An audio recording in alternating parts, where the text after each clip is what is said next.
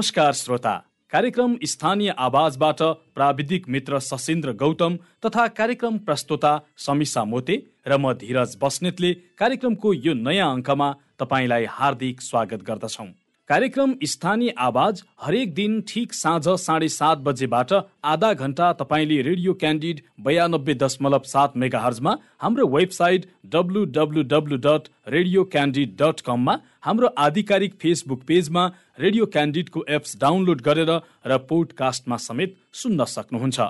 यो कार्यक्रमको पुनः प्रसारण हरेक दिन बिहान साढे सात बजे हुनेछ।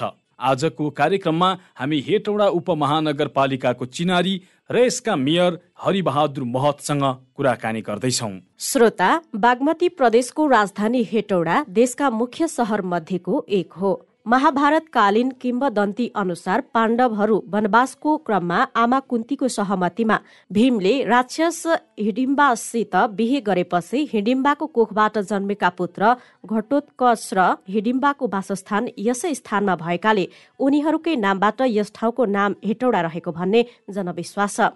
हिडिम्बा र शक्ति स्वरूपिणी माता भुटन देवीको ऐतिहासिक तथा धार्मिक पृष्ठभूमिमा मानव बसोबासको लागि योग्य सहरको आधारभूत पूर्वाधार संरचना तथा भौतिक विकासको गतिमा अगाडि बढिरहेको हेटौडा देशका मुख्य दुई राष्ट्रिय राजमार्गहरू महेन्द्र राजमार्ग र त्रिभुवन राजपथको सङ्गम स्थलमा अवस्थित छ।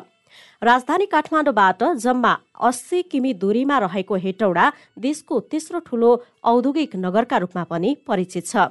भारतसँगको प्रमुख नाका बिरगनसँग राजधानी जोड्ने एक मात्र द्वार हो हेटौडा। समुद्र सतहबाट तीन सयदेखि अठार सय साठी मिटर उचाइमा अवस्थित यस उपमहानगरपालिका चुरे र महाभारत पर्वतको फेदीमा अवस्थित छ। दुई सय एकसठी वर्ग किमी क्षेत्रफलमा फैलिएको हेटौडा मकवानपुर जिल्लाको सदरमुकाम र बागमती प्रदेशको राजधानी पनि हो। यस उपमहानगरपालिकाको पूर्वमा बकैया गाउँपालिका पश्चिममा मनहरी र राक्सीराङ गाउँपालिका उत्तरमा मकवानपुर गढी भीमफेरी र कैलाश गाउँपालिका तथा दक्षिणमा पर्सा जिल्ला र बारा जिल्ला रहेका छन्। यस उपमहानगरपालिकाले दुई हजार सतहत्तर असाढमा सञ्चालन गरेको घरधुरी सर्वेक्षण अनुसार यहाँको जनसङ्ख्या एक लाख छ्यानब्बे हजार सात सय एकचालिस छ। घरधुरी संख्या सैतिस हजार एक सय एक्काइस रहेको छ। यतिखेर हामीसँग कुराकानीका लागि यसै उपमहानगरपालिकाका मेयर हरि बहादुर महत जोडिनु भएको छ। उहाँलाई हामीले पछिल्लो साढे चार वर्षमा हेटौडा उपमहानगरपालिकाले स्थानीय सरकार मात्रै पायो कि विकास र सेवाको क्षेत्रमा केही महत्वपूर्ण उपलब्धि समेत हात पार्यो भनेर सोधेका छौँ। हामीले नयाँ अनुभूति हुने कुराहरू थुप्रै प्रदान गरेका छौँ। जस्तो चाहिँ अब अहिलेको स्थानीय सरकारलाई अब कानुनी ढङ्ग त छ नेपालमा विकास निर्माण काममा कतिपय कुराहरूमा ठेकदारी प्रथाको कानुन यति जटिल छ जुन ठेक्का लगाए त्यो ठेकदारले काम गर्दैन भने त्यसलाई ब्ल्याक लिस्टमा राख्नलाई ब्ल्याक लिस्टमा राख्न त हामीले पाउँदैनौँ सिफारिसमा गर्ने हो। त्यो पनि पाँच वर्ष बाद गर्छ। त्यसकारण कानुनी जटिलताहरूको बावजुद पनि हामीले चाहिँ स्थानीय सरकारको नेतृत्व गर्न हामीले पाएपछि र हामीले शिक्षा स्वास्थ्य र चाहिँ पूर्वाधारहरूलाई विशेष प्रायोरिटी दिएका छौँ। स्पेसली तपाईँलाई हेटौडाको कुरा गर्दाखेरि चाहिँ के भने हेटौडा उपमहानगरपालिका चाहिँ यहाँ पाँच छवटा गाउँपालिकालाई मिसाइएर हेटौडा उपमहानगरपालिका बनेको हो। र यहाँको हेटौडा उपमहानगरपालिकाको चुनौती अर्थात् मेरो चुनौती भनेर चाहिँ के भने यदि मेयरको हैसियतले चाहिँ साबिक हेटौडा त म उन्चासमा उपमेयर थिएँ चौन्नमा पनि उपमेयर भएँ। र मेयर साहब चाहिँ हुनुहुन्थ्यो हाम्रो पूर्व चाहिँ मुख्यमन्त्री। हामीले एउटा साबिकलाई त पूर्वाधारदेखि लिएर सबै कुराहरूले त्यही बेला पनि नै हामीले चाहिँ विकास गरिसकेका थियौँ। र अहिले हेटौडा साबिकलाई गर्नुपर्ने भनेको रोडलाई अलिकति फराकिले बनाउने किन ट्राफिक दिन प्रतिदिन ट्राफिक चाहिँ लोड बढ्दैछ। त्यो कारणले रोड मात्रै अलिकति बढाउने हो। बाँकी पूर्वाधार हामीले पहिले गरिसकेका छौँ अब अहिले हाम्रो चुनौती चाहिँ के भने जुन पाँचवटा गाउँपालिकालाई मिसाएर हेटौडा उपमहानगरपालिका घोषणा गरियो त्यो पाँचवटा सादिक गाउँपालिकामा पूर्वाधारहरू जस्तो पहिलो शिक्षा स्वास्थ्य र खानेपानी र चाहिँ पूर्वाधार बाटोको कुराहरू यो कुराको चुनौती थियो। त्यसलाई पनि करिब करिब हामीले नब्बे प्रतिशत चाहिँ पुरा गरिसक्यौँ।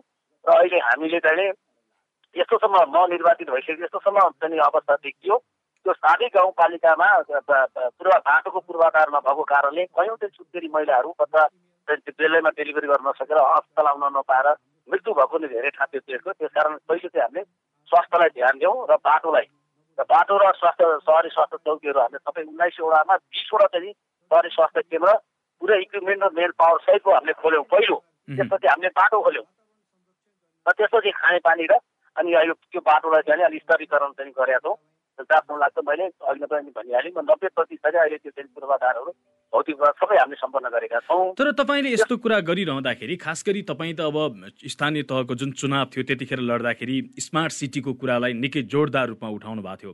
हेटौँडा त सरसर्ती हेर्दाखेरि केही परिवर्तन बाहेक खासै त्यस्तो ठुलो स्मार्ट सिटीको अवधारणा अनुसार अगाडि बढे जस्तो त लाग्दैन। पहिला कुरो के भने स्मार्ट सिटीको कुरा हामीले उठाएको छैनौँ। त्यो तपाईँलाई गलत इन्फर्मेसन भयो।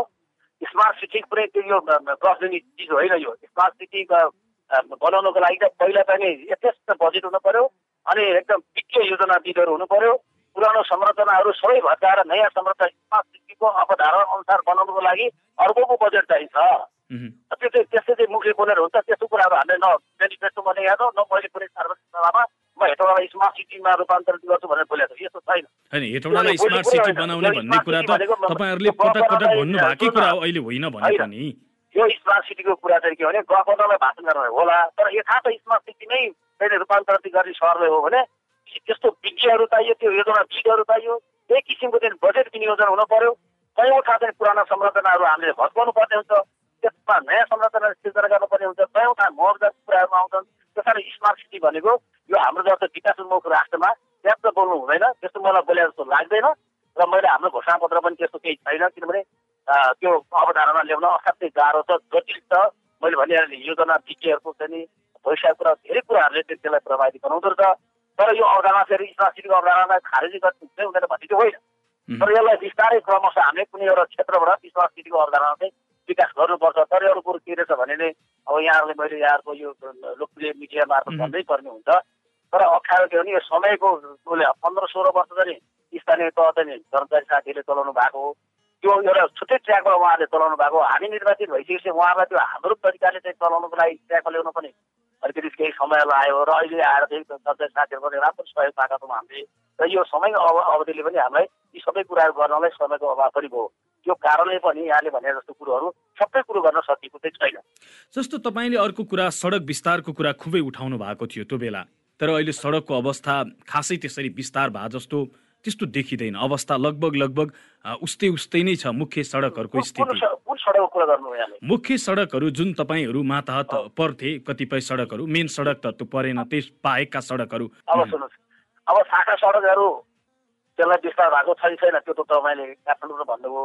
कृपया यहाँले म आमन्त्रण गर्छु हेटौँडा आएर हेरिदिनु। होइन हेटौँडा म महिनाको नभए नि दुई महिनाको एकचोटि पुगिराखेकै छु सर। त्यसो भए यहाँले राम्रोसँग हुनुभएकै छैन ल अब हेटौँडा उपमानहरू पनि आउनुहोस्। तपाईँ हेरेर त्यो नगरपालिकाको मातहतमा रहेका रोडहरू कति चाहिँ फराकिनु बनाएको छौँ हामीले बिरुवादेखि लिएर अब चाहिँ त्यो बिरुवा पनि हाम्रो कयौँ ठाउँमा त हामीले चाहिँ के अरे यो चाहिँ बिरुवा सहित ग्रिनरी गमलादेखि लिएर फुल रोप्नेदेखि लिएर अभियानको रूपमा छ अलि हेटौँडा आउनुहोस् म तपाईँलाई राम्रो छ हेटौँडा यो नगरपालिका मातहतको चाहिँ रोडको घरको बारेमा देखाइदिन्छु। अर्को कुरो चाहिँ जुन छ नि अब सङ्घीय सरकारको मातहत रहेको सडकको बारेमा मैले बोली कुरो होइन मैले ध्यान आकर्षण गराइदिएको छु। पटक पटक नगरसभाले पास गरेका छ एकचोटि तिन वर्ष अगाडि पनि नगरसभाले पास गरेको छ अहिले भर्खर पनि यो चार महिना अगाडिको नगरसभाले नै पास गरेर कार्यपालिकाले पास गरेर पच्चिस मिटरको अवधारणा के हो?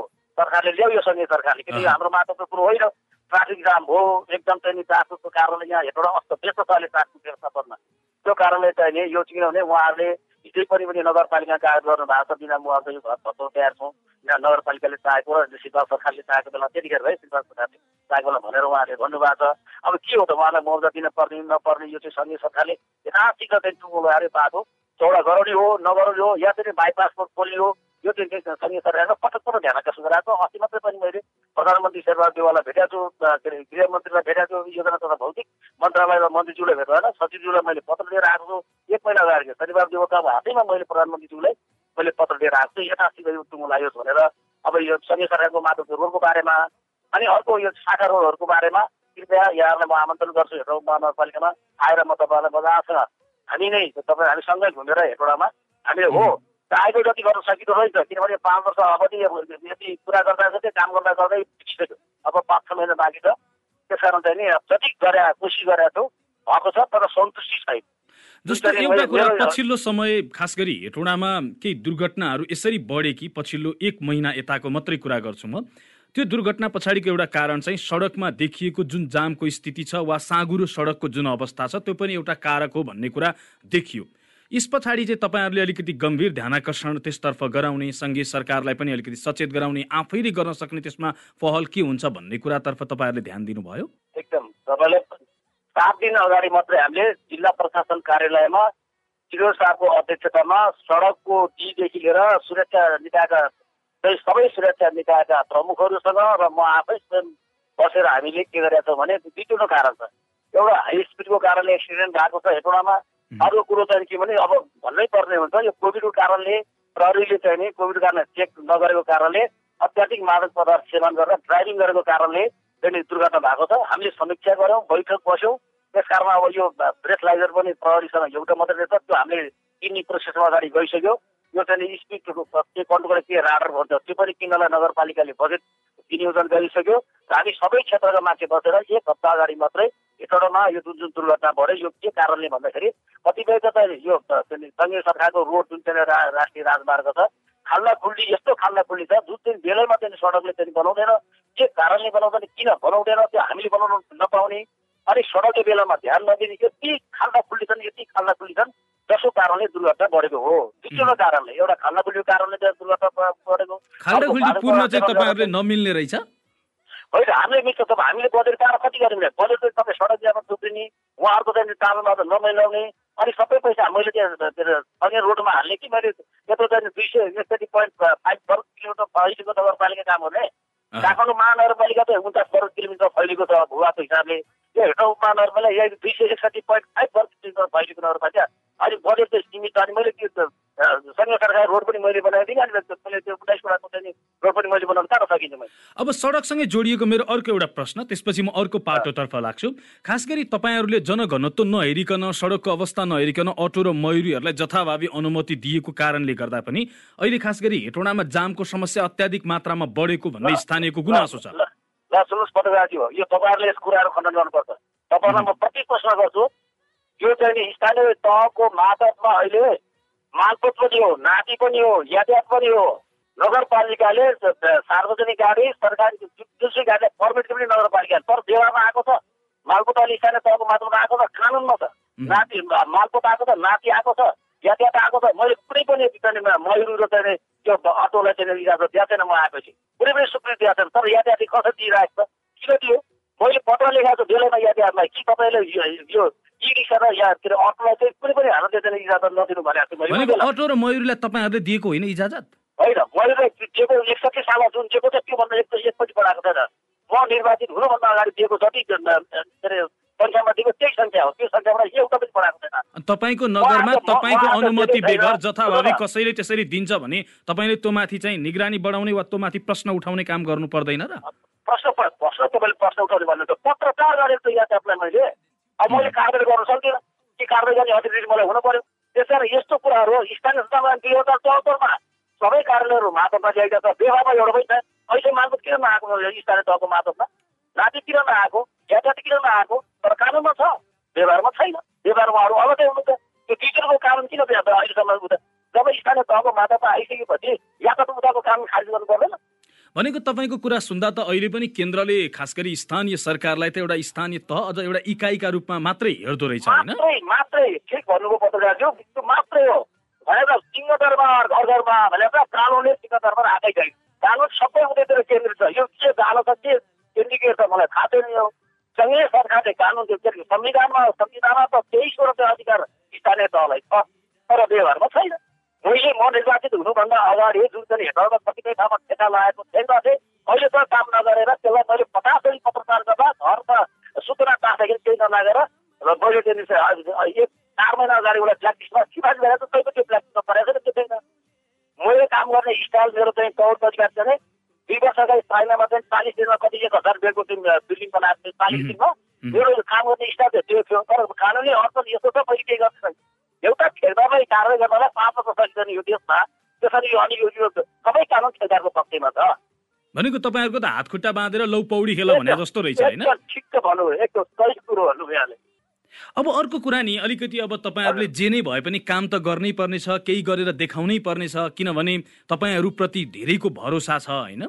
त्यस कारणले मैले अलिकति तपाईँसँग जोड्न खोजेको कुरा चाहिँ यो साढे चार वर्षको अवधिमा हेटौँडामा रहेका केही त्यस्ता स्थानहरू जसलाई पर्यटकीय क्षेत्रका रूपमा विकास गर्न सकिन्छ त्यसतर्फ चाहिँ तपाईँहरूले के के गर्न भ्याउनु भयो होइन सुन्नुहोस् अब अहिले हामीले पहिलो कुरो नवनिर्वाचित नसा मैले अहिले भनिहालेँ काबी गाउँपालिकालाई नगर चाहिँ जुन काबी नगर सहर बनाउने मेरो उद्देश्य त्यो लगभग हामीले काम गर्न पूर्णता दिन थालेछौँ। अर्को कुरो के भने रोजगारी र कृषिमा यान्त्रिकीकरण। हेटौँडा उपमहानगरपालिकाले विदेशमा गएका युवाहरू अब तपाईँहरू विदेश नजानुहोस् तपाईँलाई स्वरोजगारीको लागि हेटौँडा उपमहानगरपालिकाले के के गर्नुपर्छ भने उहाँहरूसँग इन्टरेक्सन गरेर अहिले उहाँ चाहिँ तपाईँ चाहिँ बाख्रा पालन होस् भैँसी पालन गाई पालनदेखि लिएर अनि त्यहाँदेखि कृषि उत्पादनमा हामीले यान्त्रिकीकरण गरेर थुप्रोलाई स्वरोजगारीको गरेका छौँ।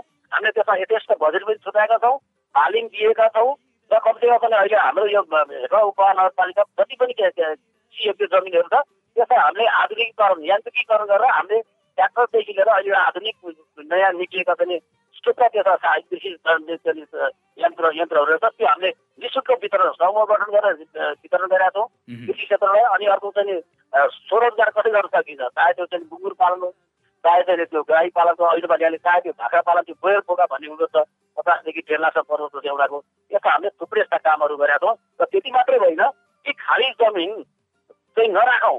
त्यो खाली जमिनलाई उत्पादनमा रूपान्तरित गरौँ भनेर भने यो तपाईँ हामीलाई पनि यो सबैले आफै आफूलाई दोषको चाहिँ लिनुपर्छ हामी सजिलो भएसम्म हामी काम गर्दैनौँ खेती गर्दैनौँ। जुन हेटौँडा उपमहानगरपालिकाले खेतीको लागि खाली जमिन नराखौँ कृषितर्फ त्यसलाई चाहिँ रूपान्तरित गरौँ। त्यसको लागि नगरपालिकाले के गर्नुपर्छ? बिउ बिजनेस कुरा सबै गरेका छौँ हामीले तर पनि सकेसम्म यति गाह्रो कि रेमिटेन्स आउँछ सजिलोसँग चामल किन्न पाइन्छ। अब कृषि प्रधान देश भनेको छौँ कृषिमा निर्यात त पुरै छ आत्मनिर्भर पनि हुन सकेका छैनौँ। यो अभियानको रूपमा हामीले लिएर गएका छौँ। के अब सबै कुरा एकैचोटि भने जस्तो हुँदैन। बिस्तारै हेरेर महानगरपालिकामा चाहिँ के भने अलिक स्वरोजगारको पनि उत्पादन भइरहेको छ तपाईँले पत्र पत्रिका हेर्न सक्नुहुन्छ। अनि कतिवटा पनि विदेशबाट आएका युवाहरू फेरि बिटिसिन नपरोस् भनेर त्यस्ता युवाहरूलाई हामीले इन्करेज गरेका छौँ। र अहिले उहाँहरूले धेरै नयाँ कामहरू गरेर चाहिँ मैले फेरि पनि दोहोऱ्याएर भन्छु त्यो बाख्रा पालन भैँसी पालन गाई पालन लगायत यस्ता कुराहरूमा उहाँहरू आफ्नो स्वरोजगार हुनुभएको छ। अहिले त्यो अर्थमा खुसी पनि लाग्छ तर जति गर्न पर्थ्यो त्यति गर्न सकिया छैन। र क्रमशः यो कुरालाई अब भोलिका दिन पनि अलिकति त्यो बढोत्तरी हुँदै जाला यही आशा गरौँ। मैले अलिकति पर्यटकीय क्षेत्रसँग जोड्न खोजेको खास गरी हेटौँडामा पर्यटकीय सम्भावना भएको एउटा नगर पनि हो हेटौँडा। मैले पर्यटकीय क्षेत्रका विषयमा बुझ्न खोजेको। त्यहाँ चाहिँ पर्यटकीय क्षेत्रहरूको विकास गर्न र भइराखेका पर्यटकीय क्षेत्रतर्फ चाहिँ पर्यटकहरूलाई आकर्षित गर्न हेटौँडा उपमहानगरपालिकाले के गरिराखेको छ? होइन यस्तो क्षेत्र सुन्नुहोस् हाम्रा थुप्रै पर्यटक यहाँ आएर दुई तिन दिन मजा आउँछ पर्यटक पर्यटकीय स्थल घुमेर यहाँ बस्न स्थल थुप्रो छ जस्तो दैदी सार्वजनिक यहाँलाई थाहै छ। अहिले गढीमा थुप्रो राम्रो विकास गरेर गढी गाउँपालिकाले त्यहाँ पनि गएर हामी त्यहाँनिर एक दिन बस्न सक्छौँ। त्यसरी यहाँ पुष्पाण्ड सरोवर भन्ने एउटा धामकै रूपमा चाहिँ विकसित भएको छ हेटौँ नगरपालिकाको विशेष लगानीमा। यस्ता थुप्रै ठाउँ छन् जुन हेटौँमा आएर चाहिँ यहाँ पर्यटक क्षेत्र घुमेर हेर्न सकिन्छ र पुष्पलाल पार्क छ यहाँ। थुप्रो यस्ता कुराहरू छन् जुन पर्यटकहरू आएर बसेर यहाँ घुमेर यहाँको हावापानी पनि त्यति फेरि यहाँलाई थोरै दुई घन्टाको बाटोमा इन्द्र सरोवर छ। हामी त्यहाँ गएर पनि घुमेर हेटौँडा आएर बस्न सक्छौँ। यस्ता थुप्रा ठाउँहरू छन् जुन हेटौँडामा पर्यटक क्षेत्र प्रशस्त मात्रामा छ र यसलाई अझ त गुम्बा डाँडा भनिन्छ यहाँ चाहिँ सत्र अठार किलोमिटर हर्नामारीमा त्यहाँ गुम्बा डाँडामा ऐतिहासिक कुराहरू थुप्रा छन्। अहिले हामीलाई त्यसलाई विकासको लागि त्यो स्तर उन्नतिको लागि त्यहाँ हरेक क्षेत्रबाट हामीले चाहिँ नि स्ट्याचुहरू राखेँ त्यहाँ ढुङ्गाका चाहिँ नि मूर्तिहरू बनाएर त्यहाँ राखेका छौँ। हामीले त्यहाँ पनि गएर हामीले समय धेरै बिताउन सक्छौँ। र हेटौँडाको क्लाइमेटको हिसाबले पनि यहाँ आएर बस्न एकदम राम्रो छ। यहाँ गर्मी महिना तपाईँलाई थाहै छ। गर्मी महिनामा दुई तिन दिन चाहिँ गर्मी हो भने पानी परिहाल्छ। जाडो महिना सामान्य एउटा ज्याकेटमा हिँड्न सक्छौँ। त्यसमा यो वातावरण दृष्टिकोणले पनि हेटौँडा असाध्यै राम्रो छ। र त्यो कारणले पनि मलाई लाग्छ यो पर्यटक क्षेत्रहरू अब के जति हामीले चाहिँ विकास गरेका छौँ त्यो अपुरो छ। त्यसलाई अझ चाहिँ हामीले चाहिँ पर्यटकहरूले कसरी आकर्षित गर्न सकिन्छ त्यो हाम्रो ध्यानमा चाहिँ हामी पनि कोसिस गर्दैछौँ। जस्तो हेटौँडा उपमहानगरपालिका चाहिँ खास गरी यो एउटा उपमहानगरपालिका मात्रै होइन बागमती प्रदेशको राजधानी पनि हो। यसमा ठुला बिग प्रोजेक्टहरू पनि तपाईँहरूले केही सुरु गर्ने भन्नुभएको थियो। ती कुराहरू चाहिँ कहाँ पुगे र काम के हुँदैछ त्यसको? अब जस्तै अब हामीले हेटौँडा अहिले गरेको भनेको बहुतलीय बहुउद्देश्य भवन जुन चाहिँ करिब अरबको हारारीमा त्यो हामीले चाहिँ अब भोलि पछितिर उहाँहरूले घरौटी राख्न त्यो ब्याङ्क ग्यारेन्टी ल्याउन ल्याउनु भएको छैन। हामी तयारीहरूलाई सम्झौता गरेर हामी चाहिँ तुरुन्तै नै काम सुरु गर्छौँ। त्यस्तै नेपालकै एउटा अत्याधुनिक बस टर्मिनल बत्तिस प्रतिशत हेटौँडा आएर बस पार्क हेर्न सक्नुहुन्छ। पच्चिस पच्चिस प्रतिशत कामै सम्पन्न भइसक्यो। त्यो नेपालको अत्याधुनिक त्यहाँनिर बस टर्मिनल हो। र त्यस्तै गरेर अहिले कृषि सुपर मार्केट जो त्यहाँनिर त्यो मलाई लाग्छ यो तिन नम्बर प्रदेश कि सबभन्दा त्यहाँनिर अत्याधुनिक त्यहाँ टियु किचनदेखि लिएर पुलिसदेखि लिएर सबै यो चाहिँ सह लगानी प्रदेश सरकार र हेटौँडा महानगरपालिकाको संयुक्त लगानीमा त्यो चाहिँ बनिसकेपछि हेटौँडा महानगरपालिकालाई हस्तान्तरण हुने गरी त्यसको काम चाहिँ तीव्र गतिमा चाहिँ राप्ती पुल पारिपट्टि हेर्न सक्नुहुन्छ। र धमाधम भइरहेछ। त्यसै गरी यहाँ डायलिसिसको कारणले थुप्रै जनताले दुःख पाए साथी हेटौँडा नगरवासीले चितवन जान पर्ने काठमाडौँ जान पर्ने अत्यन्त खर्चालु भयो भनेर हेटौँडाको नगरपालिकाको करोडौँ लगानीमा हेटौँडा अस्पतालमा प्राविधिक छ हेटौँडा अस्पतालको र हामीले डायलिसिस चाहिँ नि हामीले सुरु गरेको करिब तिन महिना भइसक्यो। निशुल्क डायलिसिस सुरु गरेको हामीले हेटौँडा। र त्यस्तै हामीले चाहिँ सबबाट अब यो घन्टौँ चाहिँ लास बोकेर हिँड्ने जुन चाहिँ नि त्यो समयले पनि हामीलाई त्यो- अब दिँदैन। त्यस कारण सबबान यहाँ निशुल्क सबबान छिमेकी गाउँपालिका जस्तो हुने गरी सबबान हामीले निशुल्क गराएका छौँ। त्यस्तै गरी अब एम्बुलेन्स पनि अब यो मकनपुर जिल्लाको जुन छिमेकी हेरो महानगरपालिकाको छिमेकी गाउँपालिकासम्मलाई हुने गरी चाहिँ निशुल्क एम्बुलेन्स सञ्चालन हामी एक महिनाभित्र नै गर्दैछौँ। र यस्ता चाहिँ नि नगरका गौरवमय योजनाहरू जस्तो रिङ रोडहरू हेटवालाई चाहिँ जुन रिङ रोड हामीले बनाएका छौँ त्यसलाई हामीले पिचको ठेका पनि अब क्रमशः गर्दैछौँ यसपालि पनि झन्डै पाँच करोड जतिको हामीले चाहिँ रिङ रोडको लागि चाहिँ छुट्याएर अब ठेकै लगाइसक्यौँ होइन। त्यस कारण चाहिँ अब जुन नगर स्तरीय योजनाहरू हामीले सञ्चालन गरिसकेका छौँ। तपाईँको योजनाभित्र त वासुदेव सभागृहलाई ठुलो कम्प्लेक्स बनाउने योजना पनि थियो क्यारे। त्यो त अहिले खण्डहर नै छ। त्यसैमा- त्यसै- त्यसैमा अब यो चाहिँ वासुदेव सभागृह चाहिँ कसरी बन्यो के गर्यो त्यसको त प्राविधिक पक्ष हामीले थुप्रै प्रदेश यो बागमती प्रदेश सरकारले पनि त्यहाँ डिटेल उहाँहरूले चाहिँ प्राविधिक मगाएर चाहिँ अध्ययन गर्नुभयो। हामीले पनि अध्ययन गऱ्यौँ त्यो उपयुक्त छैन। त्यो एकदम जोखिमपूर्ण पनि रहेछ कसरी बनाइयो त्यहाँ चाहिँ इको सिस्टम पनि मिलाएको छैन। त्यसलाई हामी चाहिँ डिसमेन्टल गर्दैछौँ। त्यहाँ डिसमेन्टल गरेर त्यही मैले अघि नै भनेको बहुद्देश्य भवन। त्यहाँ चाहिँ नि कुनै बैङ्क पनि खोल्नदेखि लिएर नगरपालिकाको करोडौँ आम्दानी वार्षिक हुने गरी। किनभने हामीले एउटा पनि अर्को पाटो के हेर्नु पर्ने सबै सङ्घीय सरकारको मुख काट्ने होइन। हामी आन्तरिक राष्ट्र कसरी वृद्धि गर्न सकिन्छ भन्ने पनि हेर्न महानगरपालिकाको पहिलो प्रायोरिटी छ त्यही अन्तर्गत हामीले त्यो बहुउद्देश्य भवन चाहिँ करिब तेह्र तल्लाको बिल्डिङ हुन्छ त्यो त्यो चाहिँ अब मैले भनिहालेँ अब सम्झौता हामी एक हप्ताभित्र गरेर त्यो कामै सुरु गर्छौँ। त्यही त अब तपाईँको करिब साढे चार वर्ष बितिसक्यो अब अझै सम्झौता भएको छैन कहिले बन्छ त त्यो? नगरवासीले कहिले त्यसको मुख हेर्न पाउँछन्? आउँछन् सुरु शिलान्यास यही गरे हुन्छ काम सुरु मेरै पालामा काम सुरु हुन्छ। सम्भव त्यो बहुउद्देश्य भवन हो नि के अरे बहुवर्षीय योजनाहरू हो त्यो त मेरै पाला सीमित भन्ने छैन नि। सुरु मेरो पालामा भयो। बजेट विनियोजनको भइसकेको छ होइन। अब ठेका लाएर सम्झौता गरेपछि सिधै हो नि बजेट न नछुट्या त ठेका लाउनै पाइँदैन नि त्यो कारण सुरु मेरै पालामा आउँछ अब अन्त्य चाहिँ हेरौँ कहिले हुन्छ किन त्यो बहुवर्षीय योजनाहरू हो। यो हो त्यो बस टर्मिनल भयो यिनीहरू सबै बहुवर्षीय योजना हो अर्को कुरा कृषि सुपर मार्केट उहुँ। अर्को कुरा मैले तपाईँसँग थोरै जोड्न खोजेको तपाईँले लेखा समिति भर्खर भर्खरै पाँच सात महिना अगाडि मात्रै गठन गर्नुभयो।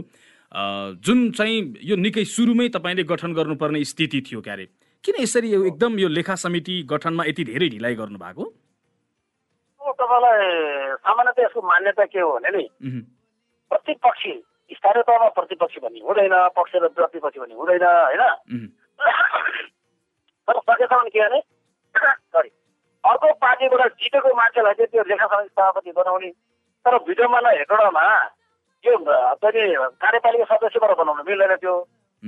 नगर सदस्यबाट बनाउने नगर सभासद एकजना मात्रै रात्रबाट जित्नु भएको उहाँलाई बिन्ती गर्दा गर्दा गर्दा गर्दा गर्दा गर्दा बल्ल छ महिना अगाडि उहाँ राजी हुनुभयो उहाँको अध्यक्ष समिति लेखा समिति गठन गरेको छ। तर उहाँलाई मैले अलिकति एक्टिभ हुनुहोस् न भनेको छु अब एक्टिभ हुँदै हुनुहुन्छ गर्दै हुनुहुन्छ भनेको त तपाईँको कारणले होइन अरू कसैको कारणले गर्दाखेरि अहिलेसम्म गठन हुन नसक्यो अरू कारण भने तपाईँलाई फेरि दोहोऱ्याएर भन्छु अब यो अब यो त सबै एमालेबाट निर्वाचित छन्। अब एमालेकै मेयर छ। अब अहिले त उपमेयर अब समाजवादतिर जानुभयो त्यो आउन जानु तब उपमेयर पनि एमालेबाट जितेको। अब सबै नगर सभासदहरू सबै एमाले छन्। अनि त्यो चाहिँ अब कार्यपालिका सदस्य चाहिँ वडा अध्यक्ष चाहिँ चार पाँचजना का काङ्ग्रेसबाट हुनुहुन्छ। अब वडा अध्यक्षको उसमा समिति गठन गर्न मिल्दैन। त्यो गर्ने भनेको नगर सभा सदस्यबाट हो। अब नगर सभा सदस्य नाइन्टी नाइन पर्सेन्ट चाहिँ एमालेबाट जितेको। एमालेबाटै जितेको। लेखा समिति बनाएको त्यसको कुनै अर्थै रहेन त्यस कारण एकजना महिला चाहिँ नि अ, नगर सभा सदस्य राप्रबाट जित्नु भएको छ। अनि उहाँ फेरि मान्नु भइदिन पटक पटक अर्जी बसेर बल्ल बल्ल मान्नु भएर सबै अगाडि कति गएको। अनि अहिले उहाँ क्रियाशील हुनुहुन्छ।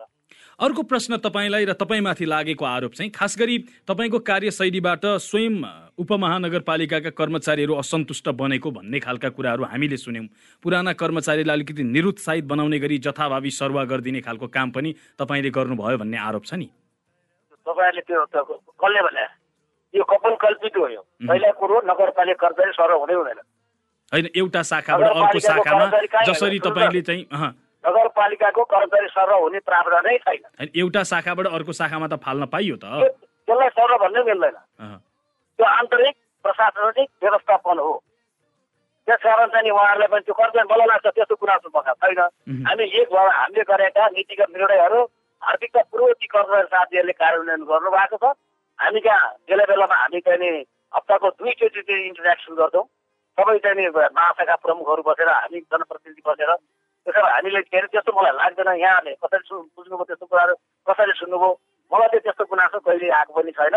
त्यस्तो त्यस्तो उहाँको असन्तुष्टि थिएछ अन्त उहाँले भन्नुपर्ने किनभने हप्ताको दुईचोटि हामी चाहिँ सामूहिक रूपमा बैठक बस्नु नगरपालिकामा। होइन अब मेयरसँग सबै कुरा भन्न सक्ने बिचरा कर्मचारीहरूले आँट पनि गरेनन् होला नि होइन त्यस्तो त्यस्तो छैन त्यस्तो गुनासो आएको भए फेरि अब हामी दुई तिन दिनपछि बसेछौँ। त्यस्तो गुनासो रहेछ भने हार्दिकतापूर्वक आफूले जिताएको मेयर हो बाबा म हेटवासी हुँ। म कर्मचारी नाइन्टी नाइन पर्सेन्ट हेटवाको बासी हुनुहुन्छ त्यस्तो भइहाल्छ। त्यस्तो रहेछ भने म त्यसलाई आन्तरिक व्यवस्थाबाट फेरि मिलाउन। म कार्यक्रमको अन्त्य अन्त्यतर्फ छु मेयरज्यू। तपाईँको कुनै त्यस्तो योजना छ जुन योजनालाई मैले मेरो कार्यकालमा सुरु गर्न पाइनँ यो चाहिँ गर्नु पर्थ्यो भन्ने लागेको छ तपाईँलाई? मलाई एउटा कुरो के भने मैले अघि पनि भनिहालेँ। मेरो काम गर्ने जुन चाहिँ तौर तरिका छ मैले भने नि त्यो उदाहरण मैले कता कता सुनेको थिएँ रेडियोमा। त्यो चाइनामा चालिस दिनमा चाहिँ एक हजार बेडको बिल्डिङ बनाएको कोभिडको समयमा कोभिडको समय हो। त्यही स्थानले त्यही तीव्रताका साथ काम गर्न नलगे तर पैसा योजनाविद र कानुन यी तिनवटा कुराले मैले सकिनँ। अर्को कुरो के भने मैले जति विकास जुन स्पिडले गर्छु भनेको थियो त्यो म सन्तुष्ट थिएँ पटक्कै छैन। तर पनि स्थानीय तह मिडियाहरूले भनेको तपाईँहरू जस्तै मिडियाले भनेको र यहाँका जनता म त भन्दा नि तपाईँहरूले प्रत्यक्ष यो गाउँपालिका जुन मिसेर पनि सारी गाउँपालिकातिर गएर हेर्नुहोस् विकास एमाले कुन तीव्रता लिएको रहेछ उहाँले पन्ध्र वर्ष बिस वर्ष पछाडि अब हामी निर्वाचित भइसकेपछि विकासको प्रतिफल कसरी पाके कस्तो हो त्यो जनबोलीबाटै तपाईँले प्राप्त गर्दा राम्रो हुन्छ। र जहाँसम्म कुरो मैले गर्न चाहिँ अझै पनि मेरो अवधि नभएको गर्न नसकेका चाहिँ कतिपय रोडहरू अझै पनि गरी अघि भनेर सुरु गरेका छौँ। तर पूर्ण त पाएको छैन एउटा त्यो अर्को कुरो हेटौँडामा चाहिँ फोहोर छ नि हेटौँडा उपमहानगरपालिका वर्षौँ पटक्कै पटक वर्षै पछि चाहिँ यो चाहिँ सफा सुगरमा पुरुषित भएर आइरहेको यो फोहोर व्यवस्थापनलाई मलाई अलिकति ठाउँको अभावले गर्दाखेरि अनि यो फोहोर व्यवस्थापनमा चाहिँ मैले गर्न सकेको छैन यो चाहिँ मैले स्वीकार गर्नुपर्छ तैपनि मैले अहिले दुई तिनवटा पार्टीहरूलाई बोलाएको छु यो फोहोर व्यवस्थापन अनि जुन जुन वडाबाट फोहोर निक्ल्यो त्यही वडामै चाहिँ नि त्यो फोहोरलाई चाहिँ व्यवस्थापन गर्ने भन्ने एउटा प्रोजेक्ट आएको छ। त्यो प्रोजेक्टका साथीहरूले काम गर्दै हुनुहुन्छ। अनि मैले चाहिँ नसकेको चाहिँ फोहोर व्यवस्थापनलाई हो यो फोहोर व्यवस्थापन चाहिँ के भने यो संसारभरिकै समस्या हो यो। फोहोर खाल र फाल्ने कहाँ डम्पिङ गर्ने रिसाइक्लिङ कुराहरू आउँछ यसमा चाहिँ अब यो चाहिँ रिसाइक्लिङ हुने रिसाइक्लिङ नहुने थुप्रै यस्ता विषयहरू छन्। यो चाहिँ अलिकति मैले गर्नु नसक्यो। बाँकी कुरा पनि म सन्तुष्ट थिएँ छैन। जुन विकासले जुन चाहिँ तीव्रता लिन पर्थ्यो त्यो मेरो हिसाब गरेर भएको छैन। तर तुलनात्मक हिसाबले स्थानीय तहमा सबै स्थानीय तहको हिसाब गर्दाखेरि हेटौँडामा चाहिँ पूर्वाधारहरू विकास निर्माणले काम चाहिँ तीव्रता पाएको छ भने जनबोली चाहिँ छ। यो जनबोली साँच्चै हो कि होइन यहाँले बुझिनु म आग्रह गर्छु। हस् मेर साहब यहाँलाई धेरै धेरै धन्यवाद। समय र संवादका लागि। हस् यहाँलाई पनि एकदम धन्यवाद।